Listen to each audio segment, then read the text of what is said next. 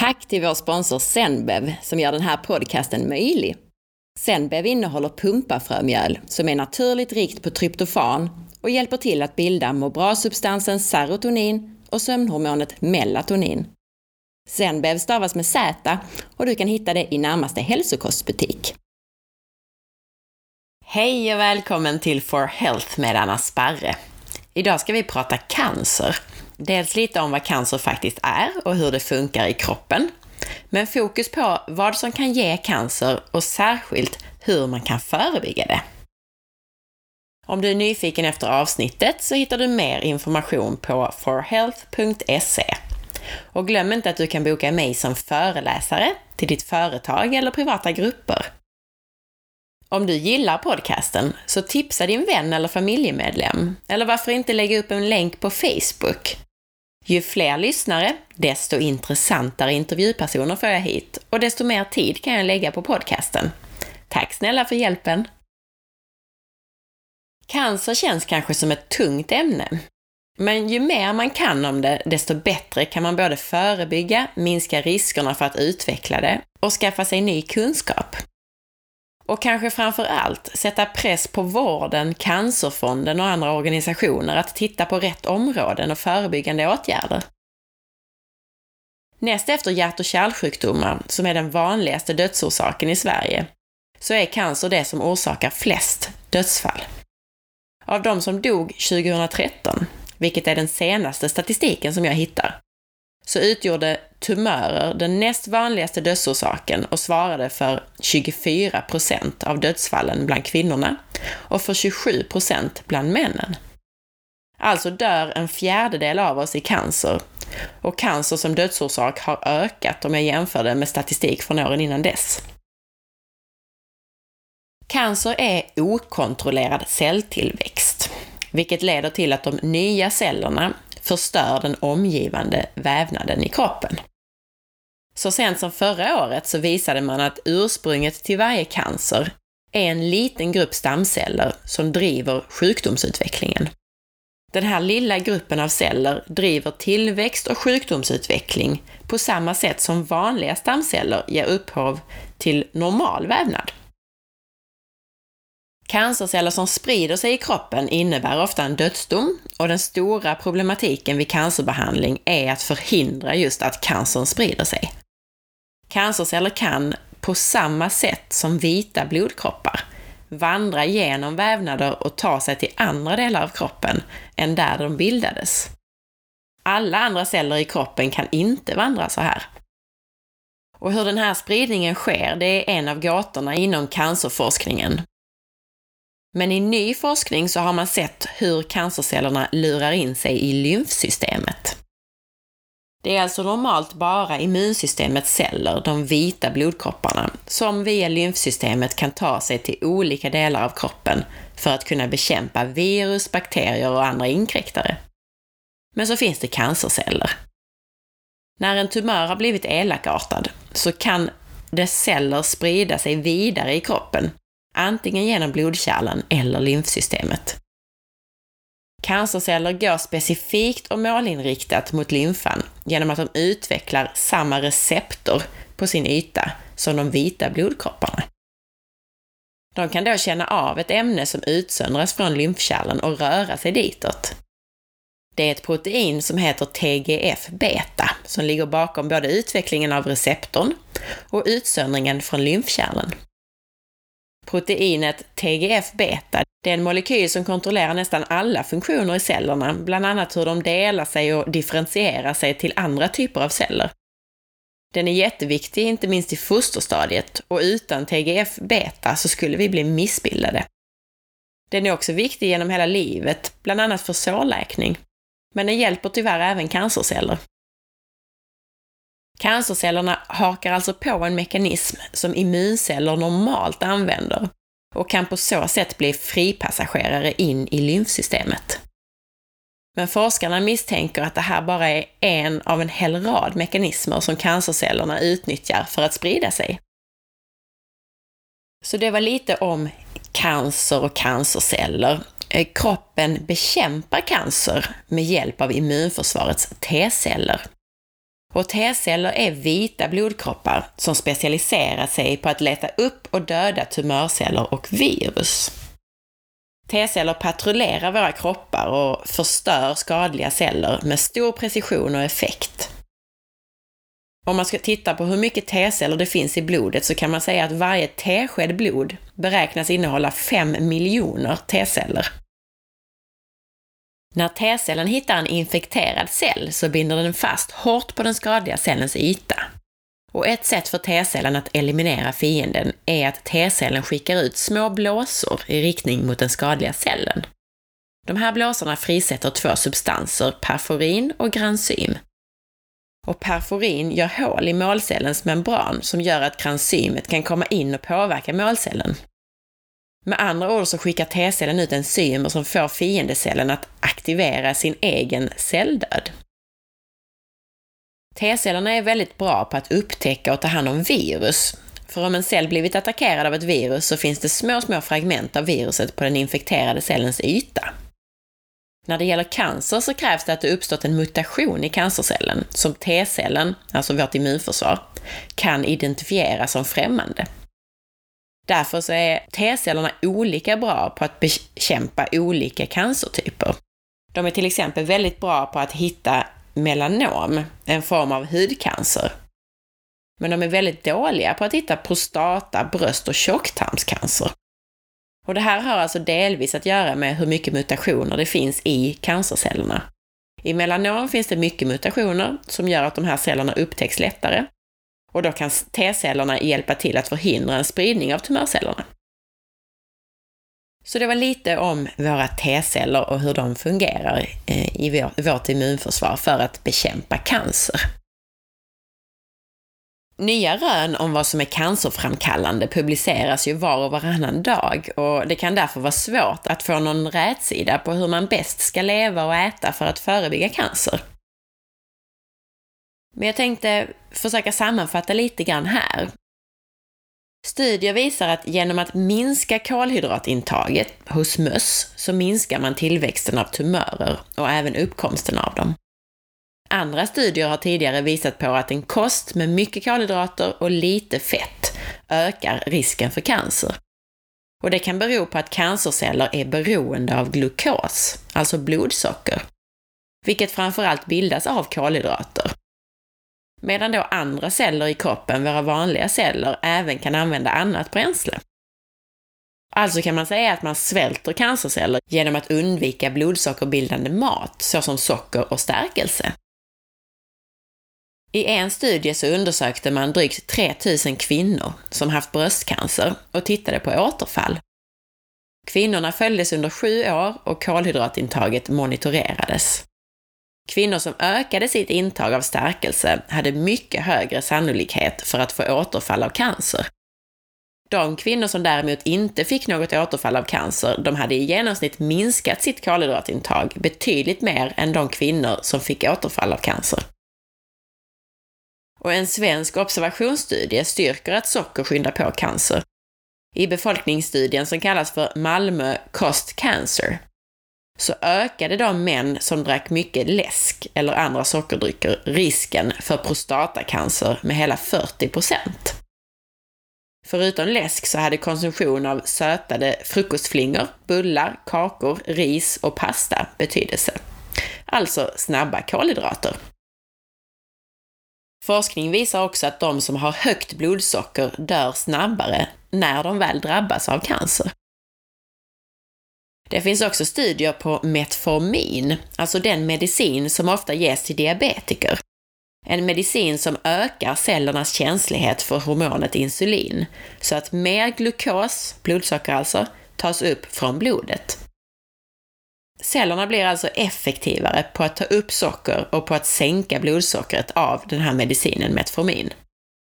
Och medicinen minskar också leverns produktion av glukos, alltså blodsocker, och dämpas sockerupptaget från maten. Och i en liten studie så bromsade den här medicinen Metformin cancertillväxt, vilket alltså är ett ytterligare möjligt tecken på att insulinresistens och högt blodsocker är cancerframkallande. I en studie så undersökte man effekten av Metformin på bröstcancerceller. Det visade sig i studien att Metformin har en bättre effekt om sockernivåerna är låga. Alltså ju lägre man kan få blodsocker totalt sett, desto mindre cancer. I ytterligare en studie så har forskarna sett att Metformin förstärker effekten av cellgifter och strålning vid lungcancer hos typ 2-diabetiker. Och allt det här är alltså tecken på att ett lägre blodsocker, lägre insulin och så vidare skyddar mot cancer och återfall i cancer. Förhöjda insulinnivåer och särskilt insulinresistens kan bidra till ohämmad vävnadstillväxt. Insulin är ju ett hormon som stimulerar tillväxt. Insulin stimuleras av blodsocker och blodsocker bildas i huvudsak av kolhydrater.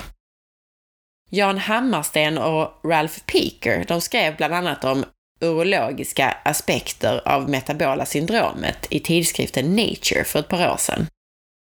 Metabola syndromet är blodsocker och insulinrelaterade sjukdomar och symptom som högt blodtryck, fetma, diabetes med mera. De berättade då i den här artikeln hur urologiska sjukdomar har koppling till metabola syndromet, alltså förhöjda, förhöjt blodsocker och insulin. Och då att särskilt prostataförstoring och prostatacancer har koppling till förhöjda insulinnivåer. Även bröstcancer anses vara kopplat till förhöjda insulinnivåer. Typ 2-diabetes, alltså insulinresistens, höga insulinnivåer och blodsockernivåer, har en koppling till cancer. Bland annat så har en stor svensk observationsstudie studerat sambandet mellan prostatacancer och diabetes typ 2. Risken för prostatacancer var reducerad hos de diabetiker som fick behandling med både kost och särskilt hos de som gick på blodsockersänkande medicin. Och nivåerna av Insulin-like growth factor, alltså IGF-1, är starkt kopplade till insulinet.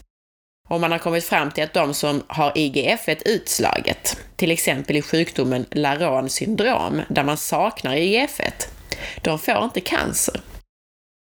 Och anledningen är att när IGF-1 fastnar på cancercellernas receptorer så driver det på cancerns utveckling. Men det här händer ju inte hos personer som saknar IGF-1.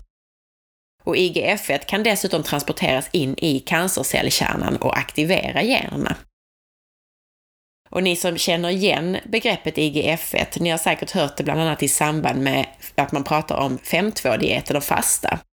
En kortvarig fasta kan ju sänka IGF-1-nivåerna på samma sätt som en lågkolhydratkost kan. Så för att minska riskerna för cancer kan man ju tänka på det här att både minska på kolhydraterna och att dessutom lägga in lite periodisk fasta. Vi bör alltså undvika en kolhydratrik kost som stimulerar ett högt blodsocker, ett högt insulin och högre nivåer av IGF-1 för att förebygga cancer. Andra studier visar att inflammation ger cancer. 2010 och 2011 rapporterade man bland annat att acetylsalicylsyra, alltså aspirin, Treo med mera, skulle förebygga cancer. De här resultaten fick man antagligen på grund av acetylsalicylsyrans antiinflammatoriska effekt. Men välj ännu hellre en livsstil som inte ger en massa inflammationsmarkörer än att knapra aspirin. Problemet med att ta acetylsalicylsyra är ju att alla mediciner kan ge biverkningar. Och den här syran är ju till exempel skarp för magen och kan ge magproblem om man börjar knapra i sig det som ett skydd mot cancer. För att förebygga cancer bör man alltså välja en livsstil som minimerar inflammation. Ett högt blodsocker och blodinsulin är inflammatoriskt. Stora mängder nya kolhydrater, alltså pasta, bröd och så vidare, och särskilt stärkelserika mjölbaserade livsmedel och socker är därför stora bovar i det här dramat. Men så är även en snedfördelning av fettsyrorna omega-3 och omega-6. Ett stort överskott av omega-6 ökar bland annat celltillväxt och inflammationer. Det är alltså cancerframkallande. Och omega-3 får du främst i dig via fisk, medan omega-6 kommer från växtoljor, margariner och kött från boskap uppfött på spannmålsfoder. Så minska på kolhydraterna och då särskilt socker och stärkelse, bröd, pasta med mera. Och undvik vegetabiliska oljor. Oxidation och ett överskott på så kallade fria radikaler, det är en viktig orsak till cancer. Eftersom oxidationen kan sätta igång felaktig celldelning. Olika ämnen som bildas när fleromättat fett och sockerarter oxiderar kan initiera eller förvärra många sjukdomar, till exempel cancer och andra inflammationsrelaterade besvär. Mat som är oxiderande är alltså särskilt till exempel socker, brända proteiner och härsket fett. Så undvik sån mat. Men oxidation av fria radikaler kommer även från gifter i omgivningen och till och med från syret som du andas. Och det här vägs upp av kroppens antioxidantskydd. Vi vill alltså stärka det kroppsegna antioxidantskyddet och minska på giftexponeringen. Men mer om gifter snart. Att äta näringstätt är såklart viktigt för att ha ett immunförsvar på topp. Ett immunförsvar som ska kunna bekämpa cancerceller, bland annat. Det betyder att det är viktigt att få i sig allt man behöver i form av vitaminer, mineraler, aminosyror, fetter och antioxidanter. Och att ta tillskott har i studier visat sig ge blandade resultat. Men en av få studier som har gjorts med hög kvalitet, alltså en kontrollerad blindstudie, visade faktiskt en liten fördel för de som tog multivitamintillskott. Skillnaderna mellan gruppernas cancerförekomst var ganska små, men gruppen som fått multivitamin hade ändå signifikant mindre förekomst av cancer. Mineralet selen är i alla fall ett mineral som är viktigt både för antioxidantskyddet och för att skydda mot cancer. För ett par år sedan så gjorde man en ny studie av ett stort material från en eh, eh tidigare studiematerial. Och det var en observationsstudie som började i slutet av 80-talet med uppföljning 2008 till 2009. Och det var en enkät som skickades ut för ifyllning till 66 000 kvinnor. Så egentligen var det här inte en högkvalitativ eh, studie, men det här är intressanta observationer i materialet ändå, tycker jag. Dödligheten i bröstcancer visade sig nämligen vara över 30% lägre bland den fjärdedel av kvinnorna med bröstcancer som fått i sig mest selen jämfört med den fjärdedel som fått i sig minst selen. Och totalt så tittade man på resultaten från de 3146 kvinnor med bröstcancer då, av de här 66 000 kvinnorna. Och jag börjar gärna spekulera i om det här resultatet är selenet i sig, eller om det faktiskt är så att livsmedel som innehåller selen är oerhört nyttiga på flera sätt. Selen deltar i det kroppsegna antioxidanta skyddet, så självklart kan det vara selen i sig som gör skillnaden. Men det finns studier som pekar på att ett högt intag av selen kan vara skadligt, alltså i form av tillskott. Så det är rätt livsmedel som vi pratar om, inte tillskotten i sig. Och selen finns framför allt i animalisk kost, gärna den från havet, fisk och skaldjur till exempel. I Sverige har vi selenfattiga marker, så det är ont om selen i våra vegetabilier, alltså spannmål, grönsaker, frukt och så vidare. Däremot så kan det finnas i nötter som ofta är importerade från andra kontinenter. Och de här selenrika livsmedlen är även mat som är rik på andra viktiga mineraler och på fina fetter och aminosyror. Kan det finnas andra ämnen i den här kosten som är bra i bekämpningen av cancer kanske? De livsmedel som innehåller selen innehåller oftast även jod. Och jodbrist har kopplats till ökad risk för cancer. Eller är det så att de som äter mest av de här livsmedlen äter mindre kolhydrater? För glukos, som sagt, alltså nedbrutna kolhydrater eller blodsocker, är det enda som cancerceller överlever på. Våra vanliga celler kan ju även leva på annat bränsle, som jag sa tidigare.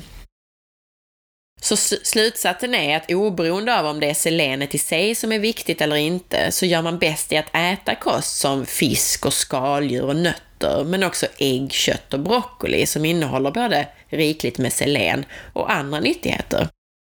Och det här rekommenderar jag vare sig man vill äta sig frisk från cancer eller om man vill förebygga cancer.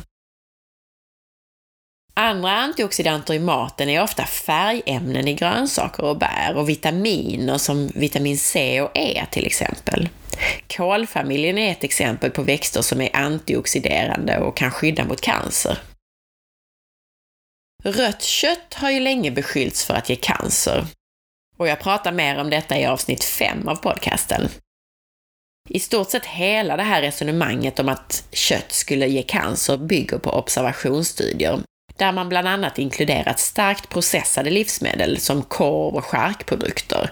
Och de innehåller ju bland annat konserveringsämnen som kan vara cancerframkallande. Så det är svårt att, att eh, utläsa någonting från de här observationsstudierna. Men det finns en liten studie där friska försökspersoner fick äta 240 gram tillagat kött om dagen i fyra veckor. Forskarna tog vävnadsprover från försökspersonernas tarmar och kunde se att många av deltagarna på den korta tiden hade hunnit utveckla cellskador som tydde på ett förstadium till cancer. Men de försökspersoner som samtidigt fått resistent stärkelse uppvisade inte de här förändringarna. Ett tecken på att kött är helt okej okay, så länge man kombinerar det rätt, till exempel med fibrer och grönsaker. Eller med resistent stärkelse, till exempel från kallt potatismjöl då alltså. Nyligen så meddelade de flesta medier att kaffe kan skydda mot bröstcancer. Och det är ny forskning i Lund som visar att kaffe då skyddar mot återfall i bröstcancer. Och några möjliga anledningar till de här resultaten, enligt mig i alla fall, det är bland annat att koffeinet i kaffe kan hämma mTOR. Och som jag både pratat om tidigare och skrivit tidigare om just mTOR så har mTOR visat sig påverka bland annat fortplantningsförmåga, åldrande och risk för degenerativa sjukdomar och cancer. Att hålla mTOR nedreglerad, det är en nyckel för att maximera kroppens underhåll, immunfunktion med mera och att undvika cancer då. Och det här kan förlänga livslängden och minska åldrandeprocessen. Och mer info om den här mTOR, eh, ja, proteinet eller processen, eh, får du genom att lyssna på podcastavsnitt 16 om protein där jag beskriver både hur mycket kolhydrater och mycket protein kan uppreglera mTOR och därmed skulle kunna ge ökad risk för cancer. Men koffeinet i kaffe kan alltså hämma mTOR som sagt och det kan vara en av anledningarna till att koffein ger den här effekten, enligt mig. Koffein är också ett växtgift och växtgifter generellt är giftigare för cancerceller än för vanliga celler. Ta broccoli som exempel. Ämnet sulforafan i broccoli har visat sig ta död på cancerstamceller och motverka ny tumörtillväxt. Sulforafan är ett växtgift som broccolin utsöndrar för att skydda sig mot att bli uppäten. Och det är en anledning till att grönsaker är extra viktigt om man drabbas av cancer, och särskilt sådana med högt innehåll av växtgifter. Så möjligen har koffeinet en direkt verkan på cancerceller på det här sättet. Med detta sagt så rekommenderar jag inte koffein för att förebygga cancer. Koffein är ett gift, man kan dricka en eller två koppar kaffe för att man tycker om det utan att ta skada. Men nedreglering av eh, processer och proteiner och enzymer i kroppen, såsom eh, till exempel mTOR som jag nämnde, det ska inte behövas på det här sättet med hjälp av kaffe. Anledningen att de här går på overdrive, det är relaterat till högt blodsocker och insulin, eller möjligen överkonsumtion av protein. Så om vi äter som vi är gjorda för och gärna fastar kort ibland, så håller vi det här i schack i kombination med att inte få i oss fytoöstrogener från sojaprodukter, hormoner från preventivpiller och hormonstörande gifter. Det är såklart annorlunda om man redan har drabbats av då till exempel bröstcancer. Det är klart att man då vid sidan av kost och andra saker dessutom kan testa kaffe.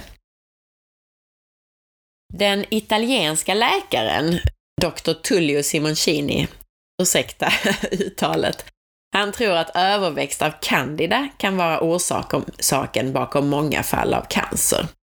Alltså en obalans i tarmfloran som sedan sprider sig ut i blodsystemet. Och med tanke på att obalanser i tarmfloran ligger bakom det mesta enligt ny forskning, så ligger det säkert mycket sanning i det här.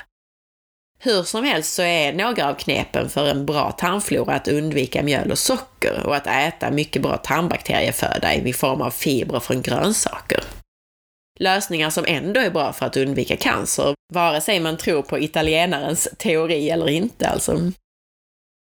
Och vare sig då man vill tro på det eller inte så finns det en sak som är mycket intressant i det här och det är att candida och cancer kräver samma levnadsförhållanden. Glukos som bränsle och en sur, syrefattig miljö. Där trivs både cancerceller och candida som bäst. Så vare sig man vill tro på att det är candida som blir cancer eller inte, så är det inte fel att försöka göra sig av med candida i ett försök att förhindra cancer. Alltså ta bort socker samtidigt som man tillför mer syre än cancercellerna tolererar. Det här vet jag inte, men en del har eh, enligt utsago framgångsrikt behandlat cancer med väteperoxid, vilket utvecklar syre i kroppen. Jämför det här med många av de candidamedel som finns som kallas för oxy någonting, alltså samma effekt, syre. Bikarbonat gör vävnader basiska, vilket tillåter mer syre än cancercellerna tolererar. Och därför så behandlar den här italienska läkaren cancer med just bikarbonat. Och här kan då diskussionen kring pH komma in, alltså det här med syra-basbalans och sådär. Därför att även om jag är skeptisk till en del av de här resonemangen kring syra-basbalans, för kroppen är väldigt exakt i att hålla blodets pH mellan ungefär 7,3 och 7,42. Men en sur kropp kan manifestera sig till exempel i lymfvätskan. Och var är det som cancer sprider sig? Jo, oftast i just lymfsystemet. Hur som helst så säger de som arbetar på det här sättet, just med bikarbonater och, eh, de här lite alternativa metoderna, så säger de att cancerceller dör av ett pH över 8,5. Det är alltså högre än vad kroppen eh, normalt sett håller pH.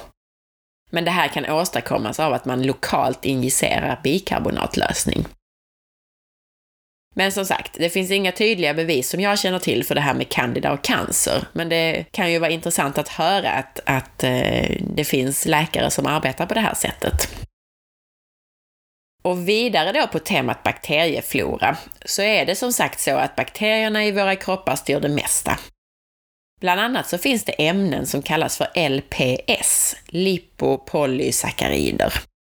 Och LPS stimulerar starkt en inflammationsreaktion från vårt immunförsvar. Och inflammation är ju som sagt en orsak till cancer.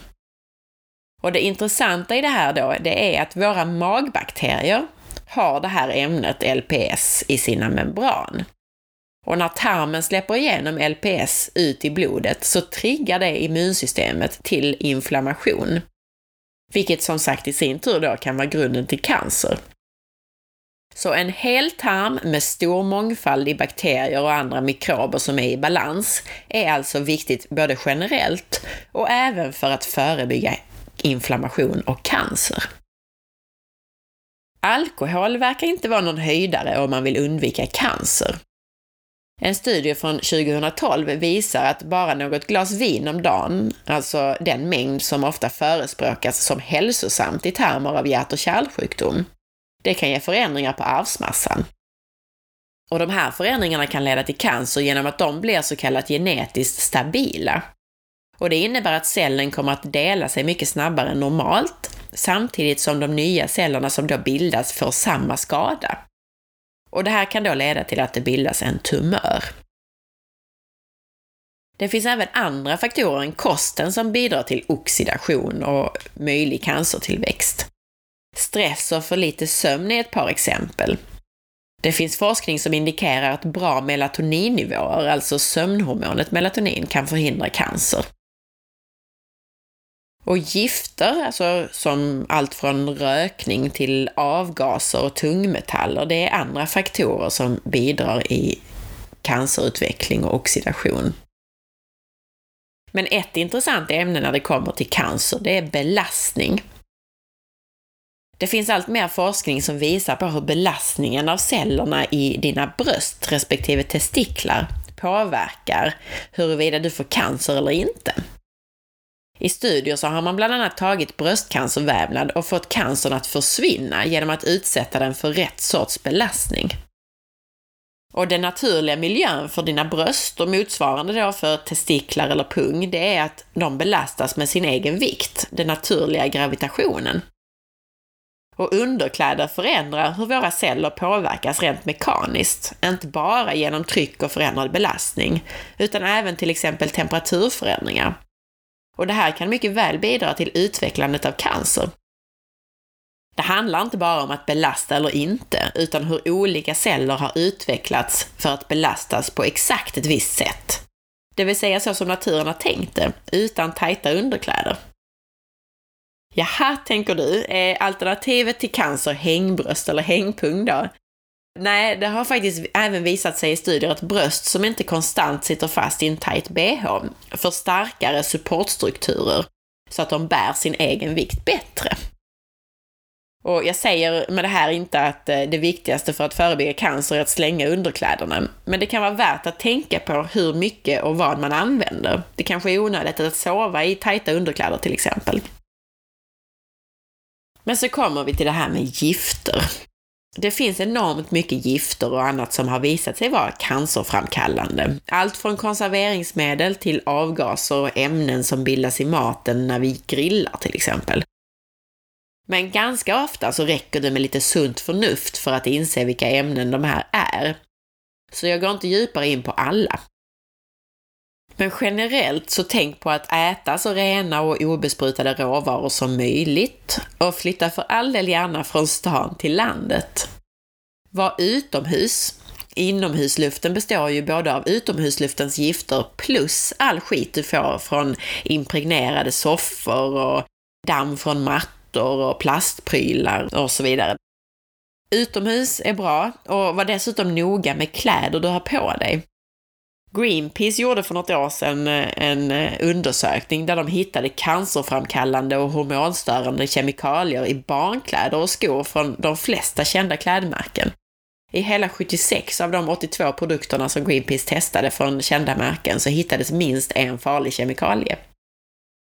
Men ju mer använt och tvättat, desto bättre. Det är ofta tumregeln här. I stort så kan det här med gifter handla om att kroppens immunförsvar och antioxidantskydd inte lyckas väga upp för den ökade mängden gifter som kroppen utsätts för. Om vi dessutom äter väldigt mycket känsliga ämnen såsom fruktsocker och fleromättade fetter så ökar risken för mutationer och skador och kedjereaktioner med till exempel fria radikaler som kan vara startskottet för cancer. Men jag ska ta upp några cancerframkallande ämnen. Dels har vi statiner, alltså kolesterolsänkande medicin, som tros öka cancerrisken. Läkarna Uffe Ramskov, Ralf Sundberg med flera skrev bland annat i en debattartikel i Läkartidningen om riskerna som överstiger de eventuella vinsterna med statiner. Bland annat så skrev de just då om cancerrisken med statiner och de skrev så här. Inkubationstiden för kemisk carcinogenes är emellertid lång och i stort sett alla statinstudier har avslutats efter fem år eller ännu tidigare. Det är därför oroväckande att tre experiment har resulterat i cancer redan efter några få år. Dessutom ökade risken för hudcancer i de två första Simvastin-studierna. Och vidare så skrev de i den här artikeln att vid studiens avslutning var cancermortaliteten tre gånger högre bland dem vars kolesterol var lägre. Det de säger här är alltså att trots att man egentligen behöver mer tid för att studera eh, cancer och cancertillväxt, så i relativt korta studier så har statiner visat sig ge ökad risk för cancer. Och dessutom så har det, det statinerna syftar till att uppnå, alltså sänka kolesterolet, ett, så har då det, det här sänkta kolesterolet visat sig öka döden i cancer. Men till nästa gift, eller vad man nu vill kalla det för, så är det faktiskt så att sötningsmedlet aspartam har visat sig öka risken för cancer i djurförsök. Så det kan man också vara lite skeptisk till. Och kanske känner du till akrylamid efter eh, skriverierna om framförallt chips för ett antal år sedan. Och såklart Rocka Gill från tunnelbygget vid Hallandsåsen. Akrylamid är ett nervgift och en carcinogen, alltså potentiellt cancerframkallande. Och det är inte bara chips och Rockagill som innehåller akrylamid. Akrylamid kan bildas vid upphettning av kolhydratrika livsmedel genom så kallade Maillard-reaktioner som sker när sockerarter reagerar med vissa aminosyror, så bildas bland annat akrylamid. Det här cancerframkallande ämnet alltså. Och det här sker framförallt genom upphettning vid höga temperaturer och eller under lång tid. Så kolhydratrika livsmedel som man har överbakat är källor för akrylamid och de största källorna är till exempel potatisbaserade produkter som chips och pommes frites och spannmålsbaserade produkter som bröd, flingor och knäckebröd. Nitriter E250, E251 och E252 det är vanliga tillsatser i charkuterier som skinka, bacon, korv, leverpastej, men finns faktiskt även i en hel del hårdostar. Och många försök på djur har visat sig att de här tillsatserna, nitriterna, som används för att förbättra hållbarheten, kan ge cancer. Men ett antal studier har dessutom visat att så är även fallet hos människor. Nitrit kan omvandlas till nitrosaminer som kan vara cancerframkallande. Jag avslutar det här avsnittet med att sammanfatta mina Rosa bandet-kampanjer som jag brukar lägga upp på bloggen på forhealth.se varje höst som lite avslutande tips. Min egen Rosa bandet-kampanj går ut på att påverka dig och alla andra att äta kost som är cancerförebyggande. Och här kommer mina 10 råd. 1. Undvik socker. Socker göder cancer. Cancerceller är beroende av glukos, alltså blodsocker, vilket framförallt bildas av kolhydrater. Medan andra celler även kan använda annat bränsle. 2. Ät därför inte för mycket kolhydrater. Inga nya eller spannmålsbaserade kolhydrater, till exempel bröd, pasta, ris och så vidare. Insulin som stimuleras av blodsocker, alltså kolhydrater inklusive socker, är ett tillväxthormon och stimulerar även cancertillväxt. 3. Ät istället naturligt fett. Alltså ät fett av alla sorter utom de konstgjorda. Studier har visat på att en kost med mycket kolhydrater och lite fett ökar risken för cancer, medan ett minskat kolhydratintag minskar tillväxten av tumörer och även uppkomsten av dem. 4. Undvik konstgjorda fetter. Onaturliga fetter kan ställa till problem i kroppen eftersom de inte passar in i det komplicerade pussel som din kropp faktiskt lägger varje dag. Transfetter och härdade fetter bildas eh, när man gör billiga oljor hållbara. Och studier från 2008 har påvisat samband mellan halten transfett i blod och ökad risk för bröstcancer hos kvinnor och prostatacancer hos män. Och ett annat konstgjort fett är det omestrade fettet som återfinns i margariner, alltså i lätta och becellet och lagom och så vidare, som jag pratade om i avsnitt, som jag tror var avsnitt 29 eller 30.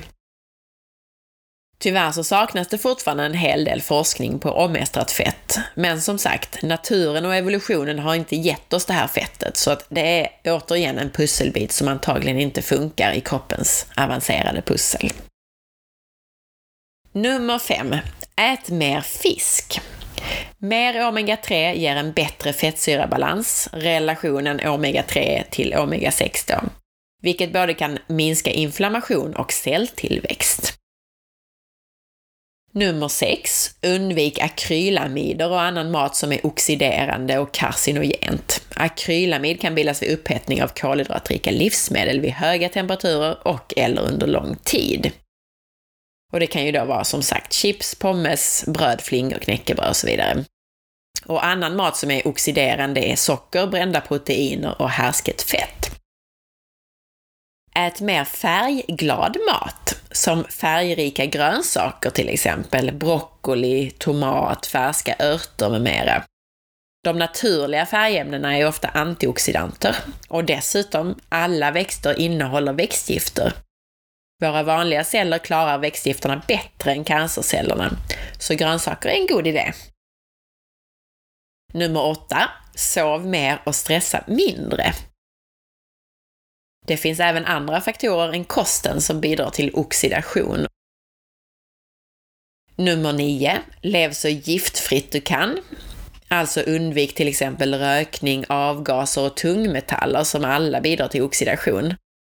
Minska på giftexponeringen genom att välja obesprutad mat, vistas utomhus och vara noga med saker du köper, allt från köksredskap till möbler och kläder. Nummer 10. Ät mer örter och kryddor.